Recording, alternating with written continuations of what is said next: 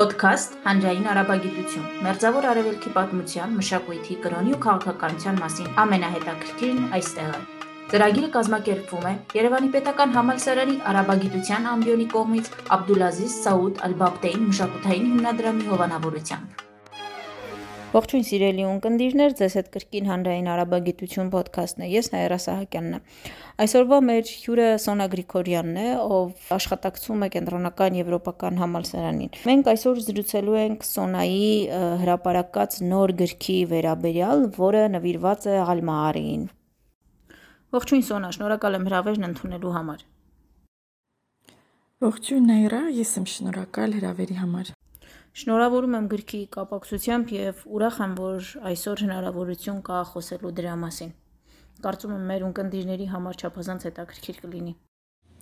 Իհարկե, սիրով, եւ ես եմ շնորհակալ հնարավորություն տալու համար։ Մարի վերաբերյալ դոկտորական, իսկ այժմ նաև գիրք գրելը ինչով էր պայմանավորված։ Ինչպես եք սկսել հետաքրքրվել այս թեմայով։ Իրականում ես սկզբնապես հետաքրքրված էի արաբա-իսլամական միջնադարյան աշխարհի ազատ մտածողներով free thinkers այսպես ասած, ինչը բավականին լայն տերմին է եւ ունի բազմաթիվ սահմանումներ, թե արևմտաեվրոպական, թե արաբա-մուսուլմանական համատեքստում։ Եվ ավելի կոնկրետ հետաքրքրված է Աբուբաքր el-Ռազի մտքով, որը 10-րդ դարի բժիշկ էր, փիլիսոփա եւ իսկապես կուր մտածող եւ պիտի ասեմ, որ իմ ամենասիրելի մտածողներից բայց արագ հասկացա, որ Ռազիի, ինչպես նաև մեկ այլ մտածողի Իբն Ռավանդիի մասին, որը 10-ից 10-րդ դարի աստվածաբան էր ու ի տարբերություն Ռազիի դիալեկտիկ մտածող էր,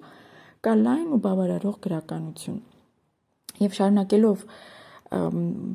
նայել առանձին հեղինակների, կանգ առա Աբուլ Ալա Ալ-Մաարի վրա։ Սա այն Մաարին է, ում կերպարից ում կերպարով ներշնչվել է մեր Ավետիք Իսահակյանը եւ նվիրել նրան հայտնի պոեմը ուրեմն Նաբուլ Ալ-Մարին 10-11-րդ դարի բանաստեղծ էր, լեզվաբան, կույր եւ բավականին հայտնի թե իր ժամանակներում եւ թե հետագայում, որը ունի բավականին հակասական ընդունելություն եւ ընկալում թե հասարակ ընթերցողների, թե գիտնականների ու հետազոտողների շրջանում։ Այն է, որ մի կողմից նա դիտվում է որպես հավատացյալ, սուննի մուսլիմ, այսինքն սուննի հավատացյալ եւ նվիրված մուսուլման, եւ մյուս կողմից նա ընդունված է համարվում է աթեիստ, ազատ մտածող եւ այսպես ասած իսլամի սյուները արհամարող մտածող եւ մենք հիմա իմ հետաքրքրությունը այստեղ ոչ թե պայմանավորված էր ոչ արկագրականությամբ ու հետազոտությամբ, այլ հակառակը կար բազմաթիվ կամ բազմաթիվ հատորներ ալմարի ու նրա գործերի շուրջ, բայց խնդիրն այն է, որ դրանք բավականին բևեռացված են ըստ իմ նշված ընկալումների, այսինքն կամ հավատացյալ է, կամ բոլորովին ամբողջապես անհավատ եւ աթեիստ։ Ու ահա այս հակասական ընկալումները ինձ դրթեցին ավելի մոտիկից ուսումնասիրել Ալմարին ու նրա մեկ աշխատություն հատկապես, որ կոչվում է Լուզում Մալայալզամ,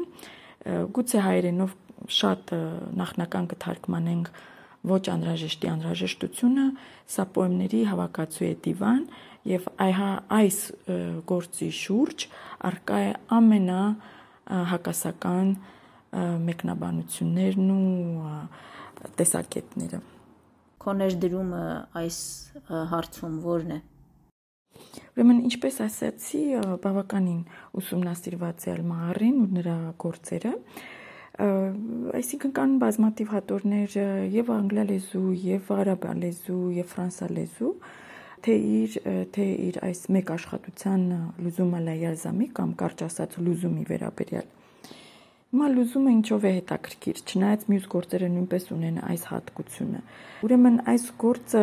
հենց հայտնի նրանով, որ ունի հակասական լեցուն է հակասական մտքերով եւ դրանք հատկապես վերաբերում են հավատին ու կրոնին։ Օրինակ կան տողեր, որ հնչում են բավականին օրթոդոքս, որտեղ Աստված բնութագրվում է Ղուրանյան լեզվով, գրեթե, որտեղ գովաբանվում են մարգարեներն ու նրանց ուղերձները, եւ կան տողեր, որոնցում ասում է ճիշտ հակառակը, այն որ Աստված անարդար է, որ մատերիան հավարժական է, որ մարգարեները սովորական մարդիկ են, գրեթե շարլատաններ, որ կրոնը մորուքավորների կողմից ստեղծված կերծաղարարություն է եւ այլն։ Հիմա հարց. ինչպես վարվել նման հակասական տեքստի հետ, ինչպես մեկնաբանել այն։ Ուրեմն ժամանակակից գրականության մեջ կա երկի ուղղություն, ինչպես նշեցի։ Մեկը հիմնական արևմտյան գիտնականների առաջնորդությամբ պնդում է, որ այս հակասություններն ունեն հստակ նպատակ, այսինքն դրանք զետեղվել են տեքստում շատ հստակ նպատակով, այն է քողարկել անհավատությունը եւ այս քողարկմամբ խուսափել հետապնդումներից ու պատժից։ Այստեղ օգտագործվում է թակիա տերմինը, որը ինչպես գիտենք շիա շրջանակներում է տարածված եղել, բայց ոչ միայն, այսինքն քողարկումը, պես ասած, քողարկված գիրը։ Հիմա այս թեորիայի պաշտպանները կարծում են, որ պետք է հիմնվել լուզումի միայն այն տողերի վրա, որոնք անհավատություն են արտահայտում։ Իսկ այն պոեմները, որոնք խոսում են իօքուտ հավատի ու իսլամի հատկապես, պետք է արհամարվեն Սա շատ լայն ձևակերպված գալման մի հատվածն է։ Մյուս հատվածը գիտնականների, որոնք հիմնական արաբ հեղինակներ են, պնդում են ճիշտ եւ ճիշտ հակառակը։ Այն է, որ Ալ-Մաարին հավատացյալ է եւ սուննի եւ ասկետ է եւ նրանք էլ պնդում են, որ միայն այն պոեմների ու տողերի վրա պետք է հենվել, որոնք խոսում են իօքուտ հավատի ու հատկապես իսլամի։ Այսինքն նրանք ոչ թե պնդում են, որ այդպես պետք է լինի, այլ նրանք հենց այդպես մեկնաբանում են, նրանք վերցնում են միայն օգտվում են միայն այդ տողերից ու պոեմներից, այսինքն գոյություն ունի երկու ճամբարում էլ բավականին ընտրողական մոտեցում Իսկ այս ընտրողական մոտեցումը տալիս է բավական սահմանափակ ու նվազեցնող մեկնաբանություններ եւ ի վերջո տեքստին չի տալիս ընդգրկուն բնույթ։ Հիմա ինչ եմ ես առաջարկում։ Ես առաջարկում եմ աշխատությունը դիտել որպես մեկ աշխատություն, մեկ ամբողջություն, հաշվի առնելով թե հավատ, թե անհավատություն արտահայտող տողերը Եվ ես առաջարկում եմ հենվել մեկ այլ մեկնաբանման մեկ այլ պարադիգմի երկիմաստության վրա, ambivalence, այս կոնցեպտի վրա, այսինքն երբ կա հակասական վերաբերմունք, դիրքավորում միևնույն օբյեկտի նկատմամբ։ Ավելին ես առաջարկում եմ, որ Ալ-Մաարին զգոն է այս հակասությունների նկատմամբ եւ նա հակասությունները ընդգծելով մեկ գործում դրանք շատ շատ կարևոր է համատեղելով դրանք մեկ միևնույն գործում ըմբոստանում է բոլոր նրանց դեմ, ովքեր դոգմատիկորեն են խոսում հավատի մասին, ովքեր տեղ չեն թողնում հարցադրումների։ Այսպիսով Ալմարին պնդում է, որ այն, ինչ կա այս պահին, թույլ չի տալիս որոշակիություն կամ անտարակուսելիություն ցուցաբերել ոչ Աստծո, ոչ մարգարեական ուղերձների ու սուրբ գրքերի, ոչ էլ կրոնի ու հավատի նկատմամբ ընդհանրապես։ Ավելի adekvat է լինել շփոթված, խուսափել դոգմատիկ սահմանումներից, եթե կուզեք, քան լինել ամբողջապես ազատ մտածող ու հերկել հավատի բոլոր դրույթները կամ ամբողջապես հավատացյալ ու կուրորեն հետևել դրանց։ Այս երկիմաստությունը պայմանավորված է, ես փորձել եմ պնդել, հենց դարաշրջանով շատ կարևոր է հիշել, որ Մահարին ապրում էր մի ժամանակահատվածում, երբ իրականում չկար մեկ օրթոդոքսիա, ուղղահավատություն, այլ կային մի քանիսը, երբ կային կրոնական բազմատիվ ուղություններ, երբ իրականում չկար կենտրոնացված իշխանություններ, կային Աբասյան խալիֆայությունում բույդներ կային, Ֆատիմյաններ կային, Միրտասիներ կային, կար գոյություն ուներ ի վերջո կոսմոպոլիտ Բաղդադ, որտեղ մաջլիսներում տարբեր հարցեր էին քննարկում տարբեր կրոնի ներկայացուցիչներ եւ բուրներ ինտելեկտուալ կյանքը, ինտելեկտուալ փնտրտուքները, գիտական մտքի մեծ կൂտակում կար եւ կրոնի նկատմամբ մեծ քննադատություն կար եւ կար կային անverջ հարցադրումներ։ Այդ հարցադրումները նաեւ հենց հավատացյալների, կուր հավատացյալների կողմից էին։ Կարող եմ օրինակ նշել Իբն Հասմին, որը կարծում էր, որ ճշմարտության ու դրան հասնելու ճանապարհը լի է շփոթմունքով ու կասկածներով եւ երբեմն ուղակի գալիս է մի հարց, մի պա, որ պարզապես պետք է հենվել սրտին, էմոցիաներին, որովհետեւ այսինքն բանավեճերը, փնտրտուքները ոչինչի չեն բերում։ Այսինքն նույնիսկ սխոլաստիկ մտածողների մեջ կար փնտրտուք, կար կասկած եւ սա համարել ոչ մի դեպքում չի կարելի։ Այստեղ որpիսի մենք այստեղ ես կուզենայի նշել մեկ աշխատություն Paul Heck-ի Skepticism in Islam Այստեղ նա ցույց է տալիս, որ կասկածը մեծ տեղ ուներ նույնիսկ հենց սխոլաստիկ մտածողների մոտ։ Հիմա Ինչու եմ ես սա պնդում։ Ինչու եմ ես պնդում, որ երկու մեկնաբանություններն էլ, որոնք ալմարին կամ դասում են հավատացյալների կամ մուսուլմանների շարքին խնդրարային են եւ առաջարկում եմ որպիսի ունենանք ավելի ընդգրկուն ուրեմն համատեքստ, ավելի ուրեմն մեկնաբանման ավելի ընդգրկուն պարադիգմ։ Եթե հենվենք նախորդ գիտնականների պնդմանը, որ մահարին, այսինքն պնդմանը քողարկվածության վերաբերյալ, թակիայի վերաբերյալ, պետք է հարց տանք։ Արդյոք իրականում կար հետապնդման վտանգ Եվ եթե այո, ապա ով էր դա իրականացնողը։ Ես փորձել եմ պնդել, որ չկար նման վտանգ, քանի որ չկար սոցիալական կարգը խախտելու միտում եւ տրամադրվածություն Ալմարի կողմից։ Եվ հետո հետապնդման մասին խոսելիս պետք է լավ ուսումնասիրել սոցիալական կոնտեքստը տվյալ պահին։ Այսինքն մենք պետք է հարց տանք ով է ով էր Ալմարին եւ դա կապենք անմիջապես իր գրելաձևի եւ իր ընդունման հետ։ Ուրեմն չնայած նա կենտրոնական մաջլիսներում չէր, նա փորձեց կարիերա հաստատել Բաղդադում, բայց դա չստացվեց։ Այնուամենայնիվ նա հեղինակություն էր վայելում իր փոքր քաղաքում Մարատ el-Նումանում, սա Հալեպի կողքին գտնվող փոքր քաղաք է, գյուղաքաղաք է։ Նա ուներ բազմաթիվ աշակերտներ ամբողջ արաբական աշխարհից, ուրեմն նա արաբերեն լեզվի շատ կուր տիրապետող էր եւ դա շատ կարեւոր է եւ նա նաեւ փոխանցում էր պահպանում փոխանցում էր այսինքն hafiz al-lugha եւ փոխանցում էր լեզուն սերունդներին եւ նրա սոցիալական ստատուսը ավելի շատ հիմնված էր իր այս գրական ուրեմն ձեռքբերումների վրա այն որ նա կարողանում էր գրել բացառիկ տաղաչափական կանոններով, իսկ դա այդպես է, Ալմարին բացառիկ է դրանով եւ ես կարծում եմ, որ նա դա հատուկ էր անում, որպիսի առավել մեծ գրական հեղինակություն ձեռք բերեր եւ այն որ նա ուսուցիչ էր, սա ավելի մեծ եւ կարեւոր բաղկացուցիչներ իր ստատուսի, քան այն, որ նա ուներ տողեր, որոնք դեմ էին իսլամին եւ կրոնին առհասարակ եւ հետեւաբար ուներ անհավատի համբավ։ Կար, այո, գույցուն ուներ անհավատի համբավ, բայց սա երկրորդական էր համեմատած նրա գրական հեղինակության հետ։ Սա շատ կարևոր է։ Այսինքն հարցը այն է, որ տվյալ պահին, տվյալ տեղում տվյալ ժամանակաշրջանում կարիք չկար ալմահարին հետապնդելու։ Ես փորձել եմ սա մանրամասն ցույց տալ։ Եվ երկրորդ ով պիտի նրան հետապնդեր։ Եթե նայենք ուլամային, այսինքն կրոնական կրոնական գիտնականներին, կրոնի գիտակներին, ապա նրանք այո մեղադրում էին, բայց մեղադրանքներից այն կողմ դա ոչինչի ոչ մի այլ քայլերի չէր բերում եւ երկրորդ նորից պետք է նայենք թե ովքեր էին կրոնի գիտակները այդ ժամանակ արդյոք նրանք այսպիսի մի միահամուր, միասեր հանրույթ էին, որ ունեին միատեսակ որոշումներ եւ համեծայնեցված որոշումներ եւ այլն եւ նորից մոտ նայելով կոնտեքստին տեսնում ենք որ չկար վտանգ հենց առաջին հերթին կրոնի գիտակների կողմից,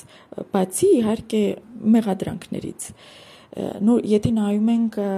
հեղինակություններին, որոնք նույնպես կարող էին ալմահարին մեղադրել անհավատության մեջ, ապա սա նույնպես շատ հարցադրելի է, որովհետև, այսինքն խնդրարային է, որովհետև նախ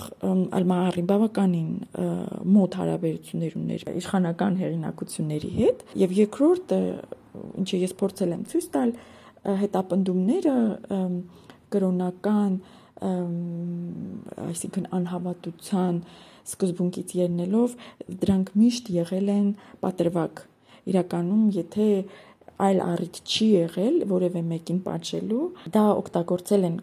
անհավատության դրսևորումները օգտագործել են որպես պատրվակ։ Եւ դա մենք կարող ենք տեսնել, եթե ուսումնասիրենք այլ պոետների եւ բանաստեղծների եւ այլ մտածողների, ասենք օրինակ Աբու Նուվասի կյանքը եւ այլն։ Ուրեմն, երբ որ մենք ընդհանուր կոնտեքստին նայում ենք, մենք տեսնում ենք, որ չկա այստեղ կապ, ուղակի կապ, ուրեմն ալմահարի ստատուսի եւ հետապնդման վտանգի մեջ այսինքն երբ որ միշտ մենք նայում ենք այս եւ այս շատ բավականին տարածված կոնցեպտին այսինքն persecution and the art of writing այս այստեղից ներշնչված Լեո Շտրաուսի այս աշխատանքից ներշնչված բոլոր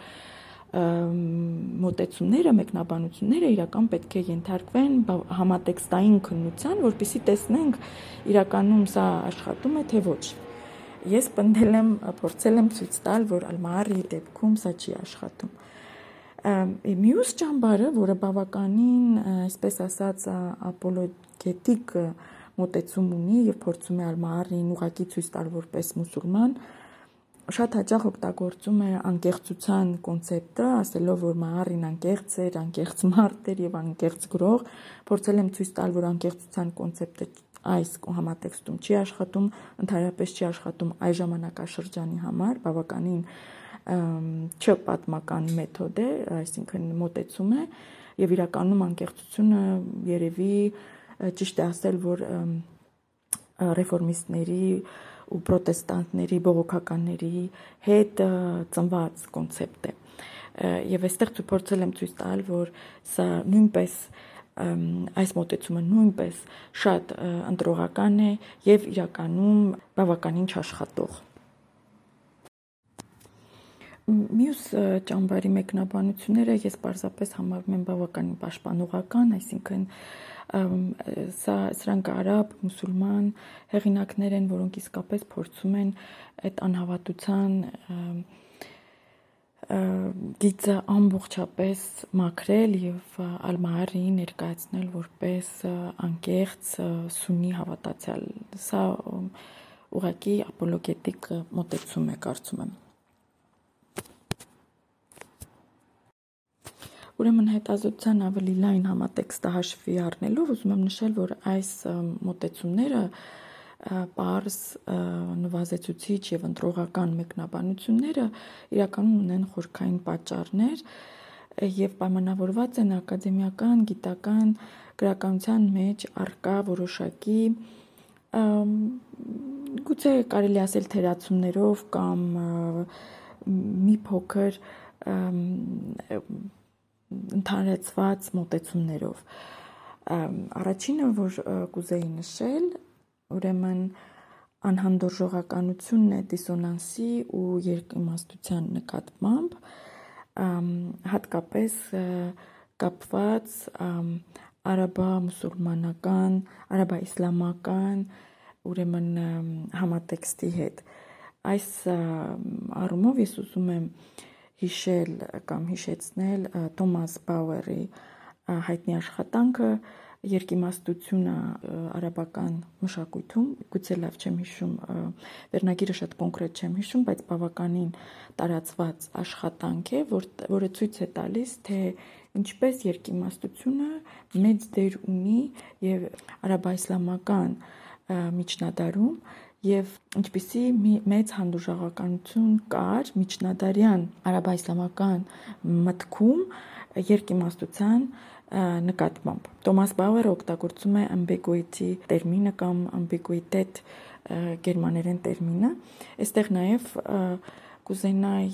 հիշատակել Ահմադ Շահաբի What is Islam շատ հանրահայտ գիրքը, որտեղ նույնպես խոսում է երկիմաստության մասին, ես խորտ կտա երկուսն էլ իհարկե, բայց որոշակի կարդալ դրանք նաև որոշակի քննադատական հայացքով, բայց սրանք շատ կարևոր աշխատություններ են ցույց տալու համար, որ այս հասկացությունները եւ ambiguity-ին եւ ambivalence-ը շատ կարեւոր են հաշվի առնել, որպեսզի հաշվի առնենք արաբա-իսլամական միջնադարյան ուսումնասիրություններ կատարելիս։ Երկրորդը խնդիրը այն է, որ այս դարաշրջանը 10-11-րդ դարեր, որոնք համարվում են իսլամի ուրեմն ռենեսանսի դարաշրջան, ուրեմն հաճախ բնութագրվում է շատ դիխոտոմիկ, այսինքն երկբևեռ մոտեցմամբ։ Այն է, որ կային կամ հավատացյալներ, կամ հումանիստներ ովքեր հավատացյալներ էին հումանիստ չէին, ովքեր հումանիստ էին հավատացյալներ չէին։ Այդ թե ինչ կար դրանց մեջտեղում, դրա մասին չի խոսվում, եւ այդպիսի մեկնաբանման պարադիգմ ունի օրինակ Ջոել Կրեմերի շատ հայտնի աշխատությունը որ կոչվում էր Humanism in the Humanism in the Renaissance of Islam շատ կարևոր աշխատություն, բայց նորից այս գիծը մեկնաբանման, որ չկար միջին, կային միայն հավատացյալներ եւ միայն հումանիստներ, սա հաշվի չի առնվում եւ սա իրականում բավականին մեծ բաց թողում է եւ հիմա կան աշխատանքներ, որոնք փորձում են այս տարանջատումը խիստ հումանիստ ադիբների եւ հավատացյալ ալիմների միջև վերացնել Եվ մեկ այլ պատճառ կա նաև գրականության մեջ, այսպես կա մի մոտեցում, որ կրոնը իսկապես ամենակարևորն էր միջնադարում, բայց շատ հաճախ ավելի մոտ ուսումնասիրության դեպքում տեսնում ենք, որ կրոնը իրականում այդքան էլ կարևոր չէր, կարևոր մաս էր սոցիալական, բայց այնպես չէր, որ եթե կրոնի նկատմամբ կար ուրեմն այլ այլակարծություն, ուրեմն դա անպայմանորեն անպայման բերելու էր պատժի։ Սա պարզապես այդպես չէ։ Եվ վերջապես կա մեկ այլ մեծ խնդիր, որ գոյություն ունի, գուցե բոլորիս մոտ, բոլոր ուսումնասիրողների մոտ դա Quentin Skinner-ը կանվաներ mythology of coherence, այսինքն մենք բոլորս, երբ որ փորձում ենք ինչ-որ մի մեծ նարատիվ ուսումնասիրել եւ ներկայացնել, մենք շատ հաճախ թակարդվում ենք այս կոհերենտության անհրաժեշտությամբ եւ հաճախ օգտագործում ենք այն փաստերը, որոնք չեն համապատասխանում կամ թույլ չեն տալիս կոհերենտություն եւ ուղակի արհամարում ենք այն փաստերը, որոնք խանգարում են այս համաձայնեցված եւ միահունչ մեկնաբանություններին Անչափ շնորհակալ եմ հետաքրքիր զրույցի համար եւ նորանոր հաջողություններ եմ մաղթում։ Ես եմ շնորհակալ Նայրա, ստեսություն։ Սիրելի ունկնդիրներ, հիշեցնեմ, որ ձեր հետ է Հանրային արաբագիտություն ոդկասթը, որը կազմակերպվում է ԵՊՀ արաբագիտության ամբիոնի կողմից Աբդուլազիզ Սաուդ Ալ-Բաբտեի մշակութային հիմնադրամի հովանավորությամբ։ Ձեզ հետ է Նայրա Սահակյանը, կհանդիպենք հաջորդ էպիզոդին։